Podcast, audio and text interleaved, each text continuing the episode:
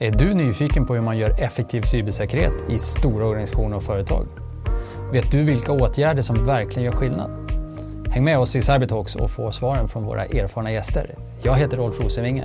Välkommen! I dagens avsnitt träffar Rolf Ralf Benton, CISO och CSO på Schibsted. I avsnittet pratar de om det treåriga förmågeuppbyggnadsprogram som man har kört på Schibsted. I samtalet hör vi vilka framgångsfaktorerna har varit och i vilken ordning man har byggt upp en robust säkerhet. Hej och välkomna till ett nytt avsnitt av Cybertalks. Eh, det var ett tag sedan men nu är vi redo att köra och eh, jag har med mig gäst som faktiskt har varit med tidigare en gång och eh, återkommer med till detaljerna kring det. Men först av allt, välkommen till gästen Ralf Benton. Tack så mycket Rolf.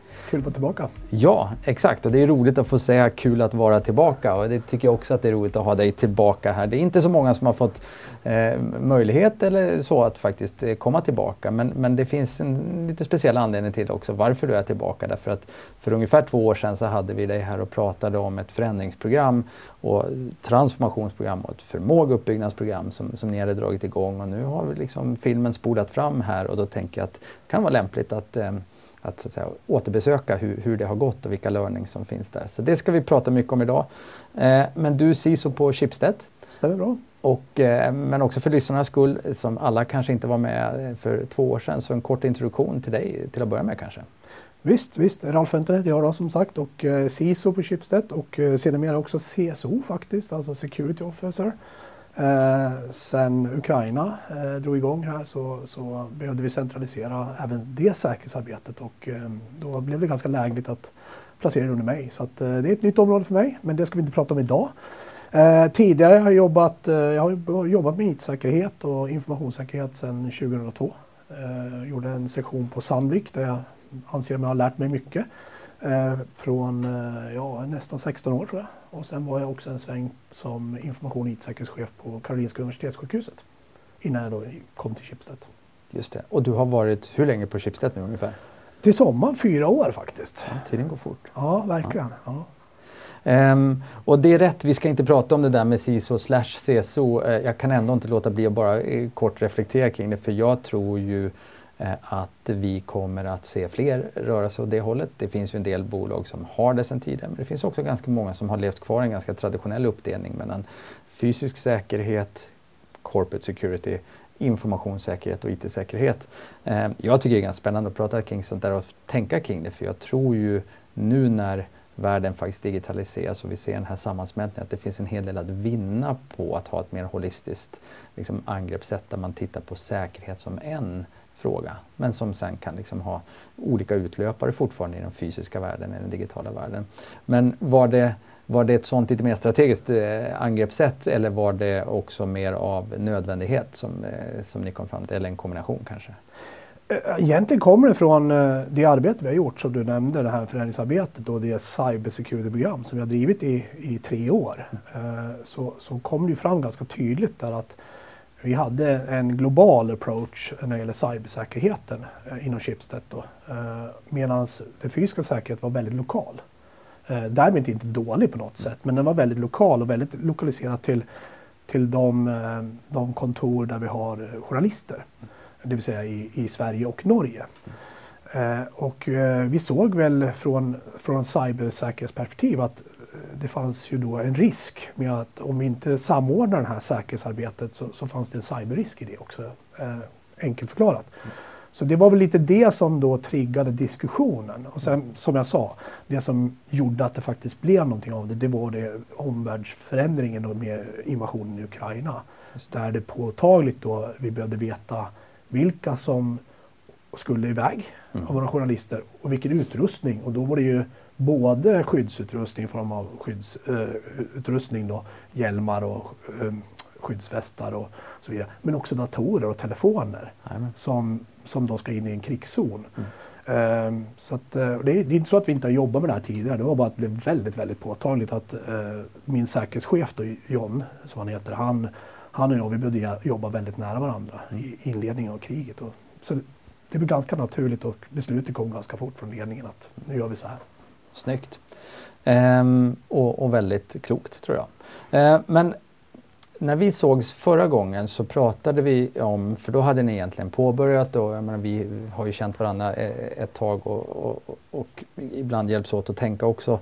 Ehm, men då hade ni egentligen påbörjat ett, ett större transformationsprogram av en, den totala cybersäkerhetsförmågan. Och som sagt, det är två år sedan vi sågs i det här formatet ehm, och nu börjar ni närma er slutet, eller vad, jag kanske börjar där. Vad, vad, är status nu? Har ni stängt programmet? Håller ni på att stänga? Har det gått bra? Liksom, vad är executive summary? Ja, eh, vi, vi, vi, har stängt det eh, från vårt perspektiv. Eh, sen ska vi bara ha ett formellt beslut, det vill säga styrgruppen ska ha sitt sista styrgruppsmöte och ta det formella beslutet. Men programmet i sig är slut, eh, så kan man säga. Så, så vi har ju vi har levererat på det som vi har satt upp, den roadmap vi satt upp för tre år sedan. Eh, och, eh, och nu håller vi på att utvärdera och ska presentera till styrgruppen och därmed få ett formellt beslut på att vi stänger programmet.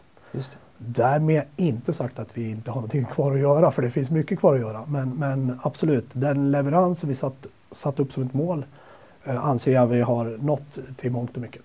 Mm. Ja, det är snyggt och det där ska vi borra ner i och prata lite mer om. Men eh, så att säga, för att måla bilden lite ytterligare så tänker jag att vi kanske också ska börja in ändå i någon slags bakgrund. Vad var det som, vad var det som triggade Schibsted som, som företag och koncern att fatta ett beslut att starta ett sånt här program? Hur resonerade man? Vilka var de initiala stakeholders som, som så att säga, kom med beställningen? Mm.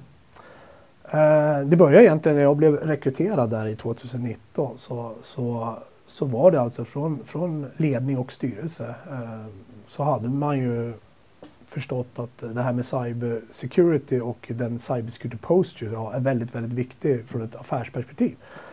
Och eh, man undrade helt enkelt, vad står vi idag i, i den hotbild som finns? Eh, och vad borde vi stå? Eh, är det, är det där vi är eller borde vi vara någon annanstans? Och, om det är så att det, det finns ett gap där, vad, vad behöver vi göra? Det var i princip det uppdrag jag fick i, i juni 2019. Eh, och eh, inledde då helt enkelt ett arbete att försöka ta reda på just svaret på de frågorna. Vad är vi? Vad bör vi vara och eh, hur tar vi oss dit? Och det var det som sedermera eh, blev det här cybersecurity-programmet. Jajamän. Och, um, jag var med på ett litet hörn där. Mm. Ehm, och en reflektion som jag hade då, eh, och det skulle vara intressant att höra din syn på nu, för att jag upplevde nog också det att om man spolar tillbaks bandet tre år så var ni på ett sätt ganska tidigt ute med att få en så pass tydlig beställning eh, från koncernledning, styrelsenivån. En del organisationer har ju fått det nu och en del tror jag fortfarande kämpar med att mm. få den där riktiga aptiten att, att, att göra det här på det sånt här systematiskt sätt som ni har fått göra. Och jag har funderat en del på vad kan det ha varit som drev den insikten så tidigt, eller så relativt tidigt, hos Schibsted.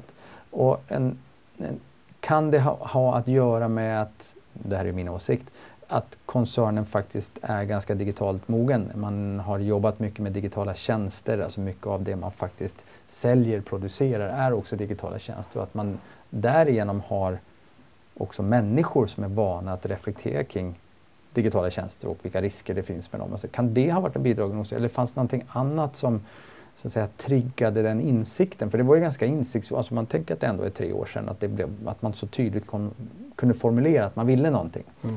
Det tyckte jag var ganska, det stack ut lite då, kommer jag ihåg. Absolut, jag tycker till viss del att det sticker ut fortfarande, om jag får ja. vara lite fräck och säga så faktiskt. Eh, nej men det, du är på rätt spår. Eh, vill jag påstå. Vi, vi har ju, alltså vår verksamhet är ju väldigt digital. Alltså, vi har ju närmare jag tror 800 miljoner besökare på våra webbplattformar i månaden. Så att, eh, det är där vår business ligger och det, det förstår vår ledning. Mm. Att det, här är, det här är digitala risker, det, det är högt på agendan.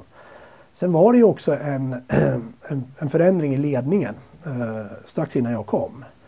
Och jag vet att eh, vår CEO, Kristin Skogenlund i, i Norge, hon, hon, hon, hon har en insikt i de här frågorna och hade det redan när hon kom. Så jag tror att hon tillsammans, det är min eh, uppfattning mm. i alla fall, att eh, tillsammans med ledningen och eh, med stödet av styrelsen mm. så att det här, det här är ett område vi måste adressera. Mm.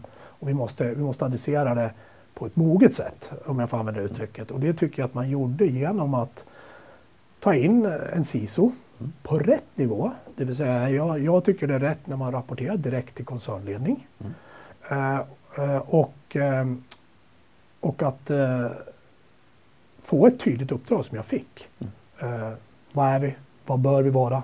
Ta oss dit i princip. Mm.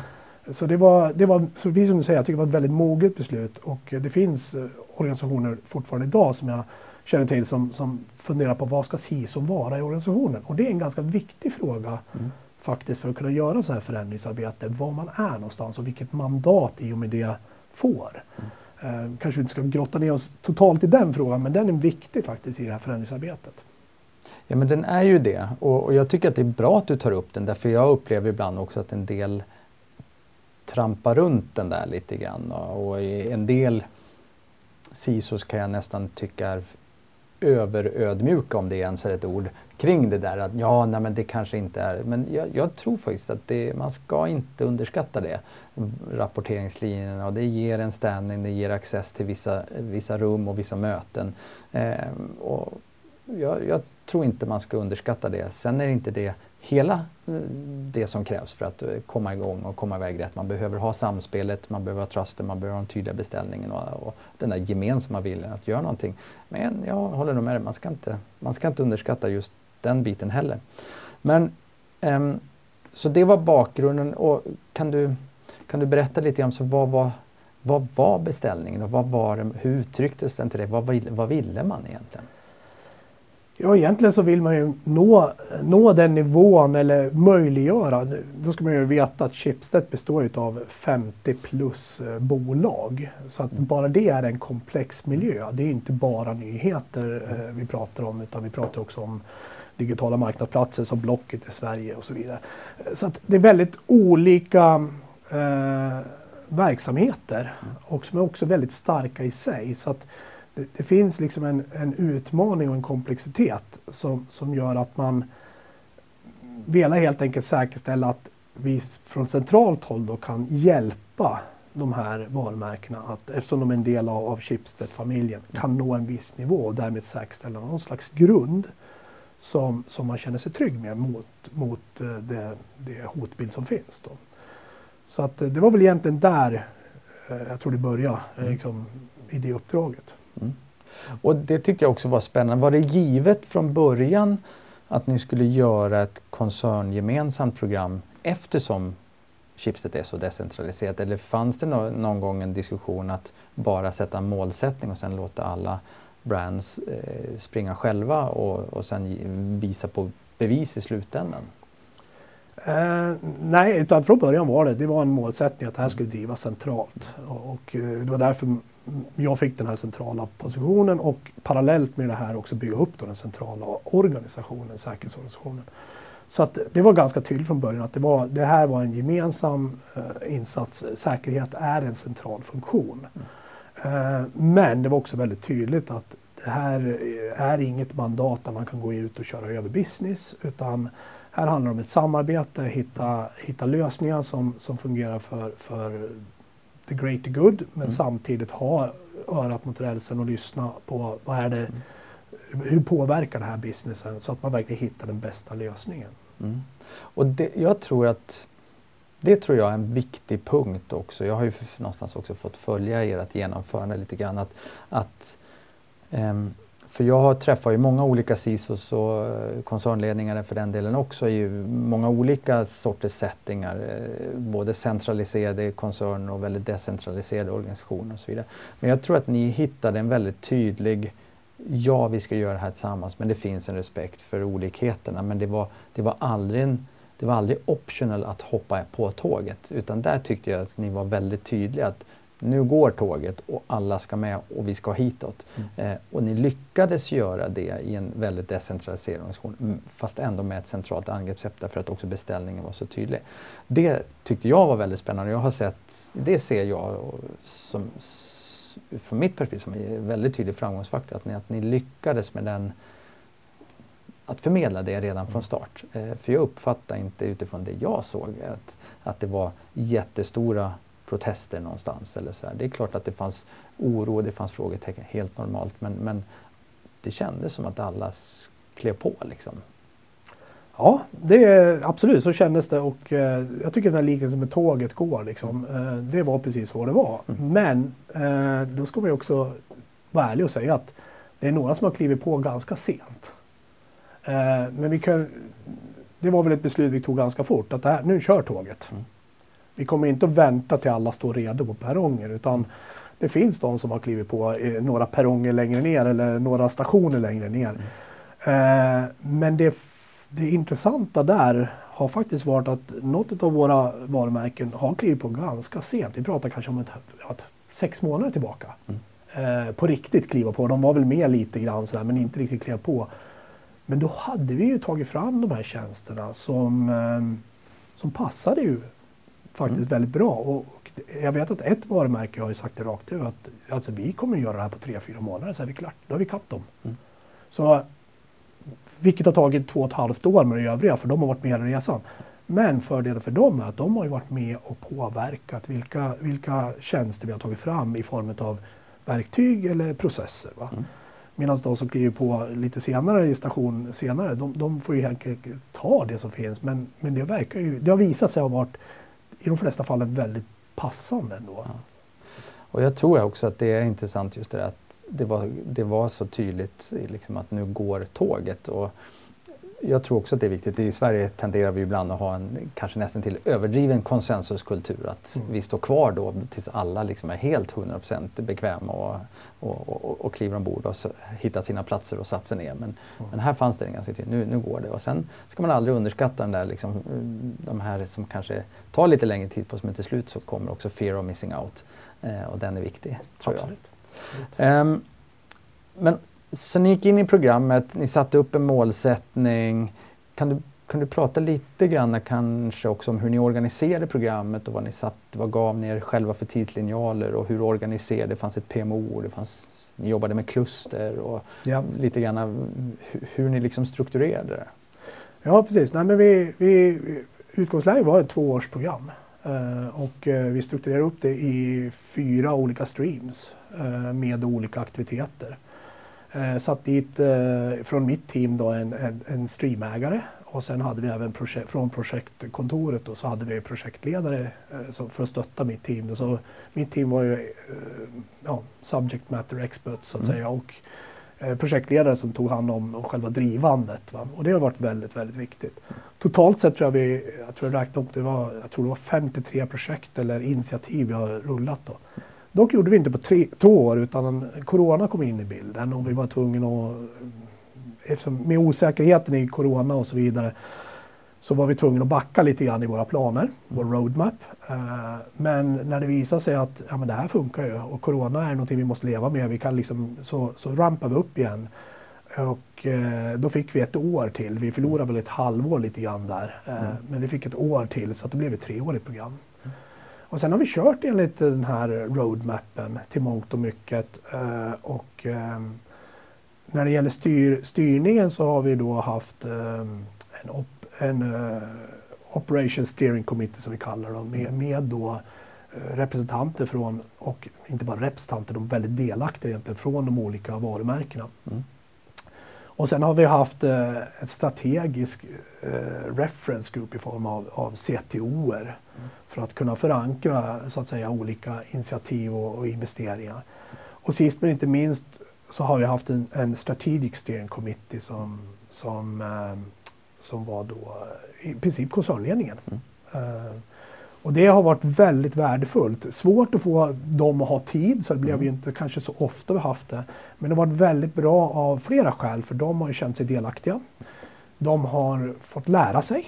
Genom att vara med här i beslutet så har de fått lära sig cybersecurity och kunna ställa frågor direkt till oss i projektet eller i programmet. Och väldigt, så det, det är ett tips jag skulle ge om någon skulle köra sådär. Se till att få med ja, koncernledning helst. Alltså. Mm. För då det är en awareness-process för dem också att få, för att förstå området. För det är komplext och svårt. Vi mm. som håller på här tycker, vadå, det är väl inte så svårt mm. uh, egentligen.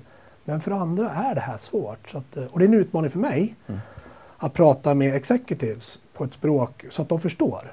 Uh, och det har varit en utmaning för oss genom hela programmet att försöka verkligen förankra så att de förstår vad, vad, vad är problematiken och vad är komplexiteten. Mm. Så att, eh, men jag tycker att eh, skulle jag göra om det så definitivt det är den viktigaste punkten. Få med executive-nivån. Och jag tycker att det, det, är roligt eh, det du säger kring awareness också. För att, um, jag har haft en del, ganska nyligt en hel del diskussioner kring liksom, awareness versus knowledge eh, och hur vad gör man egentligen? Alla pratar role-based eh, awareness och så vidare. Men, men vad är role-based awareness för executive-nivån? Ja, det är ju till exempel att faktiskt den bästa träning man kan få är kanske att sitta just i en styrgrupp och så får man liksom vara alla parter måste vara ödmjuka när man går in i och så lär man sig tillsammans. Och det skapar också en trust och det skapar en ganska djup förståelse. För jag tror att sitter man i en sån här styrgrupp över ett treårsprogram har man ganska bra koll på frågorna sen och vilka frågor man ska ställa och vad, vad svaren betyder. Um, så ni behöver nog inte lansera ytterligare någon separat awareness-aktivitet för, för just den gruppen. För de har redan fått det genom att vara med i programmet som styrgrupp. Absolut, absolut. Så är det. Men sen en annan del är ju också att eh, i det här så har vi ju haft eh, styrelsen också väldigt involverad. Mm. Så det har varit kontinuerlig rapport via CEO då, mm. till styrelsen. Vi pratar varannan månad. Vissa, vissa perioder har varit varje månad. Mm. Där vi har pratat om dem. Vi definierade ganska enkelt fyra stycken cyberrisker som vi försöker adressera via programmet. Mm. Och det är de då via en risk heatmap egentligen som som, eh, som jag har presenterat att ja, nu, nu, har vi gjort den här aktiviteten och det innebär att den här risken bedömer vi har gått eh, kanske neråt när det gäller probability eller, eller impact beroende på. Va? Mm. Och det har varit ett väldigt visuellt sätt att ganska enkelt för våran CEO. Jag har alltså inte ofta själv varit där till styrelsen utan det är, det är hon som har tagit det och det har varit riktigt bra. Coolt. Um, kan vi prata någonting om, och du får berätta så lite eller så mycket du vill, kring liksom själva contentet i programmet? Är det några speciella förmågeområden som ni har fokuserat på? Um, är det någon, alltså, alla är ju också lite intresserade av fancy teknologi.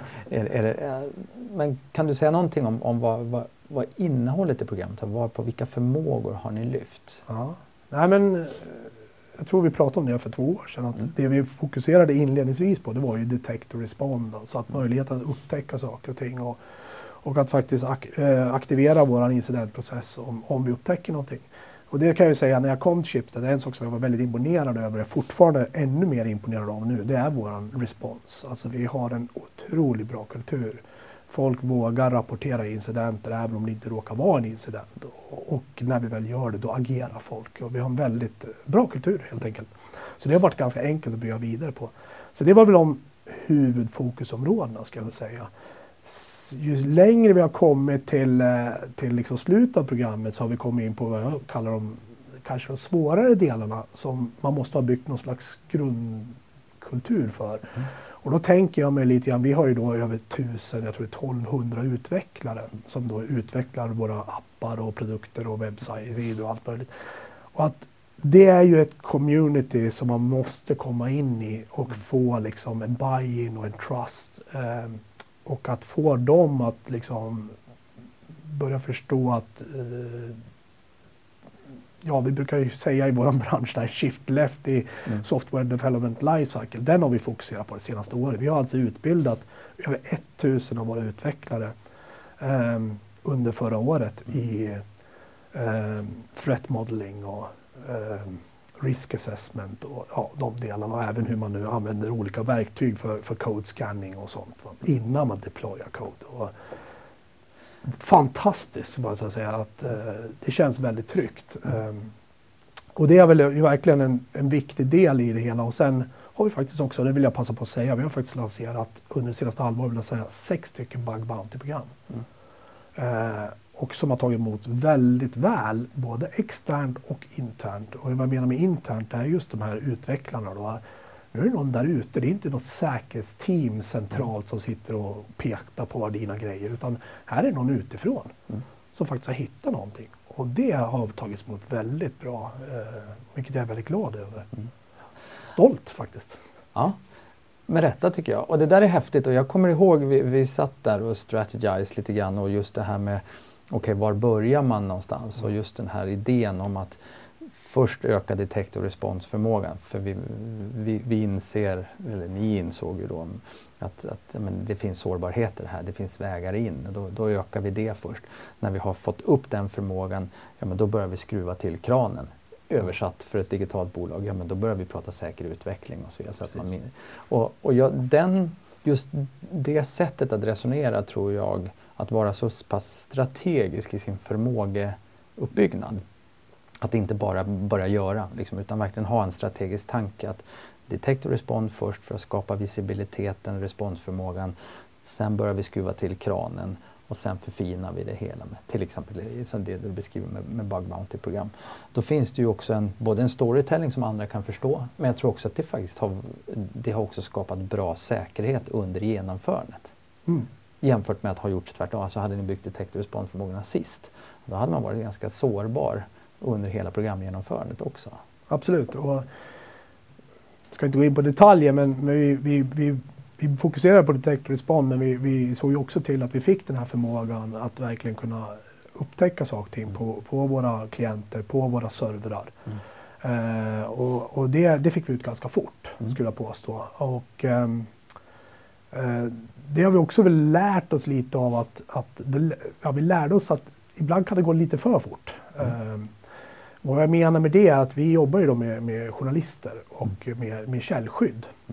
Och eh, då är det väldigt viktigt att man tänker ifrån, ja, från flera aspekter. Det räcker inte bara de här klassiska CIA, alltså mm. konfidentialitet och riktighet och tillgänglighet, mm. utan, utan eh, vi pratar också källskydd helt plötsligt, mm. som är alltså lagstadgat, eh, som vi måste förhålla oss till. Och då är det inte bara att rulla ut säkerhetsprodukter på samma sätt som man kanske gör i, i en annan typ av verksamhet. Så att eh, det, det fick vi lära oss, eh, li, lite hårt väg, att det blev liksom lite ifrågasättande på vissa verktyg och sånt. Men som jag alltid försöker tänka det är att om man får en, en lite motgång, om man säger så, för det var väl lite motgång att våra säkerhetsverktyg som vi rullade ut började ifrågasättas det vändes ju till något positivt till slut. Va? Att, att folk kände sig, ja men okej, okay, det, det, är det här ni gör det för. Och man fick ju förklara. Så vi hade ju missat egentligen i den här grundläggande kommunikationen inledningsvis. Och vad, vad är det vi gör och varför gör vi det? Och om inte man har klarat av det, då, då kan det där komma och bita en i svansen senare. Eh, faktiskt. Och, och, det är väl det vi lär oss. Och nu är vi väldigt noggranna.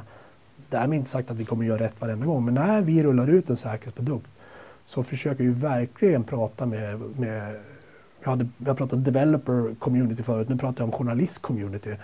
Prata med dem och mm. förklara det här är det vi vill åstadkomma.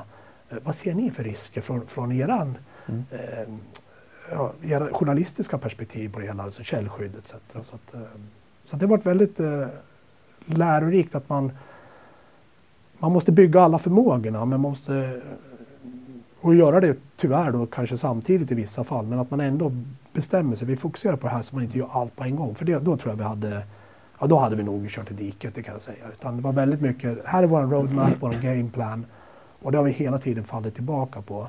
De här bug bounty som jag hänvisar till. Jag vet att jag var på en av, en av killarna i mitt team och sa jag vill ha bug bounty och han sa ja senare sa han. Och varje år har jag varit på honom. Men sista halvåret, då rullade vi ut det. Och då var vi mogna också. Mm. Så att, eh, jag fick det jag ville, men det gäller att hålla sig till, go, till gameplan och det var det vi kom överens om. Så att det är inte bara min förtjänst. Nej, såklart inte. Att det, det blir ett, det tror jag verkligen har varit ett team effort. Men jag tycker den här historien kring källskyddet, då, alltså, eh, den, den är också den är spännande även om den inte är direkt applicerbar i alla branscher. Men, men den, den symboliserar ju också det att liksom, du måste know your business. Mm. Eh, och ju bättre you know your business. Du måste, liksom, så du måste både kunna förmågorna och du måste ha en tanke om i vilken ordning du bygger dem. Och så måste du kunna din verksamhet mm. och sen måste du faktiskt ha den där kommunikativa förankringsförmågan och att mm. diskutera upfront och så vidare. Och det är väl bara jag tror, jag tror, inte det finns ett, ett program som går att genomföra utan lite tuggmotstånd. Jag, jag väljer att kalla det tuggmotstånd mm. istället för, för eh, motgång. Men, men eh, samtidigt så jag tycker att den, den är ju ganska spännande för alla organisationer kommer att ha sin sån yes. community. Det kan vara en OT-community någonstans eller det kan vara en journalistisk community eller en utvecklar-community. Men det gäller att identifiera dem där och ibland när man inte identifierar dem upfront så kommer man definitivt att få reda på det och då handlar det ju bara om hur man hanterar det där. Och hur gjorde ni det när ni väl liksom, när ni fick det där tuggmotståndet, hur, hur löste ni det? Nej, men jag, jag, tycker vi löste det på det sättet vi skulle ha löst det från början. Vi skulle ha varit transparenta, mer transparenta. Så vi valde helt enkelt uh, bara, okej, okay, så här är det. Vi, vi borde ha berättat mer. Uh, vi försökte förklara varför vi kanske la vissa begränsningar. Jag menar det är ju ändå ett säkerhetsprodukt vi pratar mm. om. Så det finns, att liksom lägga allting med öppna kort, det är ju, det är ju som att ge en blueprint också då till, till en yes. byggnad eller någonting, om man mm. gör en sån liknelse. Men, men att uh, men, men, vi måste vara transparenta med det vi kan vara transparenta mm. och, och, det kan man vara med rätt mycket mm. faktiskt. Um, så är det. Jag vill också understryka i och med att det här broadcastas, det är ju att när det gäller källskydd så, så kör vi det på separata uh, maskiner och sånt. Så vi från säkerhet, alltså är man i kontakt med våra journalister och det är under källskyddsprincip uh, så har vi ingen insikt. Mm. Och det är ju ett helt enkelt affärsmässigt beslut som vi måste förhålla oss till. Det är lagen som säger så. så att om det är någon som hör det här och börjar oj, kan inte jag prata med en journalist? Det kan du definitivt göra. Absolut. Nej, men, det är väl ett bra förtydligande, ja. så, eh, självklart. Nej, men för jag tycker ändå att det viktigaste var egentligen att liksom, den här berättelsen om hur ni löste att det var transparens som till slut löste upp knuten och skapade den här trusten. Vi är i samma lag, vi hjälps åt, så här ser det ut. Och också det att kunna ställa sig och äga att från er sida att ja, vi borde ha varit mer transparenta. Det är ju otroligt avväpnande. Det är svårt mm. att fortsätta vara arg. Ja, ja. När man hör det. Liksom. Så, att, så, så att, ja, det tycker jag, det, där, där tror jag det finns mycket learning. Att, att våga vara transparent och som du säger, det går att vara transparent med, med mycket. Och sen kan man vara väldigt noggrann med vissa saker som man kanske inte ska vara transparent med. Mm. Men då har man varit så pass transparent att man också får upp en förståelse, tror jag, en, en, den, den, riktiga förståelsen från, från de man interagerar med. Mm. men nu är ni där och eh, nästa styrgruppsmöte som sagt blir det sista och ni ska stänga det här. Och tiden går fort även i, i Cybertalks. Jag måste ju också passa på att fråga lite grann när ni nu, för jag tycker också att det är spännande att ni gör den här liksom lessons learn-loopen och, och, drar ut slutsatser. Vad, vad är några av de viktigaste learnings eh, från att göra ett sånt här program? Vad, vad, skulle andra organisationer som står och kanske ska börja eller försöker börja eller har kommit halvvägs in? Finns det några grejer som har varit bra, lätt, svårt? Eh, skulle det som, som ni skulle ha gjort annorlunda? Eller så? Ja, men alltså jag tror vi har varit inne på en hel del av dem redan, men, men, i grund och botten så brukar jag säga keep it simple. Liksom. Uh, det, det, är nog det viktigaste att ta med sig. Och sen stick to your game plan, liksom. alltså mm. den roadmap du satt upp. Va, för, uh, förankra på rätt nivå, uh, men, men gör det enkelt. Lite grann som jag sa. Vad är vi, vad ska vi och hur tar vi oss dit? Mm. Det, liksom, krångla så behöver man inte göra det. Hitta ett ramverk. Uh, vi har ju själva använt NIST då, mm. uh, som jag tycker varit ganska enkelt för att kunna kommunicera med, med ledning mm. och styrelse. För det är ganska enkelt om man håller sig till de fem kategorierna. Liksom, så att säga. Uh, och vi har pratat mognadsnivåer så vi har använt egentligen det som finns i NIST i form av tiers. Då, mm. liksom, som någon slags mognadsnivåbedömning. Och därifrån lagt då vad, vad är vår ambitionsnivå och så vidare. Så det tycker jag, hitta ett ramverk. Det finns ju mm. andra. Eh, men det tycker jag funkade bra. Ehm, och sen hela tiden kommunicera. Jag, jag valde ju faktiskt, eller jag, vi valde ju i programmet efter styrgruppens påpekande att ta in en, en eh, kommunikatör. Mm. Uh, ungefär halvvägs in. Alltså, mm. Sista ett och ett halvt år då hade vi en journalist mm. som, som faktiskt hjälpte oss med kommunikationen. Uh, att det blev en journalist var ju bra mm. av den anledningen att vi kände att uh, det är ju många av våra anställda är journalister. Och att någon som förstår deras arbetssituation och som förstår deras språk och vad som triggar och sådana saker, mm. det är väldigt viktigt. Uh, så det, det skulle jag nog rekommendera. Keep it simple, håll dig till, till din plan. Mm. Se till att engagera ledning på rätt nivå och så vidare. Och sen um, kommunikation. Mm med, med eh, alla berörda. Och så vara så transparent som ni bara kan vara. Det är väl det enklaste att ta med sig. Snyggt. Um, och som sagt, så då, då, är det snart dags att rappa, eh, inte bara programmet utan avsnittet också. Men jag måste ju också fråga, så vad, vad händer nu? Ja. Eh, hur, hur, får man en sån här, liksom, eh, får man en liten så här end of program blues? Att, eh, fan nu är vi klara. Eh, eller hur, hur tar man sig vidare sen? Vad, vad, vad händer nu? Ja, först och främst ska vi fira såklart. Nej, ja, ja men det, ska det, vi, det, det ska vi göra, ja. absolut. Eh, det håller vi på att planera. Men, men eh, det är ju så här att om världen har förändrats. Så det som, det som vi satte upp som liksom mål för att möta vår riskaptit 2019 den bör, bör, man ju, vi har ju sett över det under tidens gång. Det låter som att vi bara jobbat i vår egen bubbla. Det har vi inte gjort. Vi har anpassat oss. Vi har anpassat oss till covid, vi har anpassat oss till, till invasionen av Ukraina etc. Men, men definitivt i ett sådant här läge, då ska man ju tänka, okej, okay, vi hade den här ambitionsnivån, var hamnar vi? Det, det, det kan vi ju mäta. Eh, så. Men sen är ju frågan, räcker det här nu då? Mm. Med tanke på omvärldens förändring det vill, vågar jag nästan sätta ganska mycket pengar på att nej, det räcker inte. Ambitionen då var bra och det har tagit oss där vi är idag. Eh, men jag tror vi måste höja ribban lite. Vilket innebär att vi har lite kvar att göra. Men vi har idag en grund tack vare det här programmet. Man skulle kunna argumentera och säga, ja, men varför låter du inte liksom programmet bara rulla vidare då? Jag tycker att det är fel därför att ett program ska sluta. Det hör man nästan på ordet. Liksom. Projekt och program, det har en slutdatum. Och jag tror också att det rent pedagogiskt är det bra. För annars kommer man ha det här cyberprogrammet som skulle vara i tre år, ja det blir fem år, det blir sju år. Ja, liksom, hur länge ska det gå? Så jag tror att någonstans måste man också våga ner, sätta ner foten och säga nej, nu stänger vi. Vi har mycket kvar att göra. Men det ska vi göra i, i vårt vanliga arbete eh, yes. med att utveckla våra tjänster, optimera det vi har fått på plats för att möta de nya hoten. Mm. Precis så. Och jag tror det som, som du, att man inte ska underskatta pedagogiken i det här. För det um, jag tror att många organisationer som när de ska påbörja så här så har att tjäna på att göra saker i programform därför att det ger den här extra tyngden, skjutsen, möjligheten att få in en styrgrupp med exakt de stakeholders man vill ha som man kanske inte annars nödvändigtvis har tillgång till i den linjeroll man har. Så jag tror att man ska, min erfarenhet av att ha hjälpt till att designa, och rita upp och faktiskt genomföra ett antal sådana här stora program. Det ser jag som en tydlig framgångsfaktor. Att, eh, startar man från en relativ låg mogenhet så finns det mycket att vinna på att köra programform men det är också, precis som du är inne på, tror jag, superviktigt att faktiskt sen våga flytta över i linjen när man har nått en viss mognad och därifrån köra inkrementell eh, förbättringar. Och för den delen lite större initiativ, eh, även det i någon slags, under någon slags CISO Office-struktur eller hur man nu ser ut som organisation. Det tror jag är en, ett bra sätt att, att tänka för det leder också till program med program som du är inne på. De, det startar man och följer upp och så stänger man det. Eh, I linjen så jobbar man på och någonstans så är ju säkerhet är ju en process. Mm. Vi kommer aldrig bli klara. Så jag tror att man kan lura sig själv också att, att man bara fortsätter i programmet. Liksom. Det, det, är ju en process som, som ska fortsätta. Men nu har ni manövrerat dit, att ni, ni, ni står stadigt och kan därifrån ta stöd för nästa steg.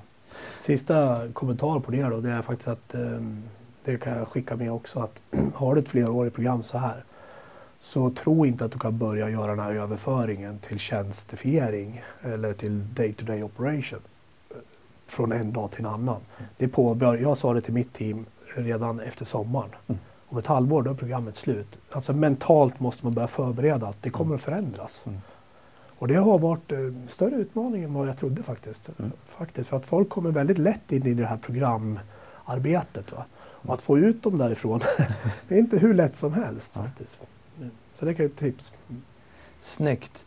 Um, vi, vi ska rappa där och eh, Ralf Benton från eh, Schibsted, stort tack för att du ville komma hit igen och berätta om hur det faktiskt gick och vilka learnings det varit. Och tack för att du har också varit så transparent med, med resan, både var tuggmotståndet uppstod och var, var segrarna eh, vanns. Tack! Och till alla lyssnare, until next time. Podden är ett samarbete mellan Orange Cyber Defense och Paliscope och spelas in och klipps på Media.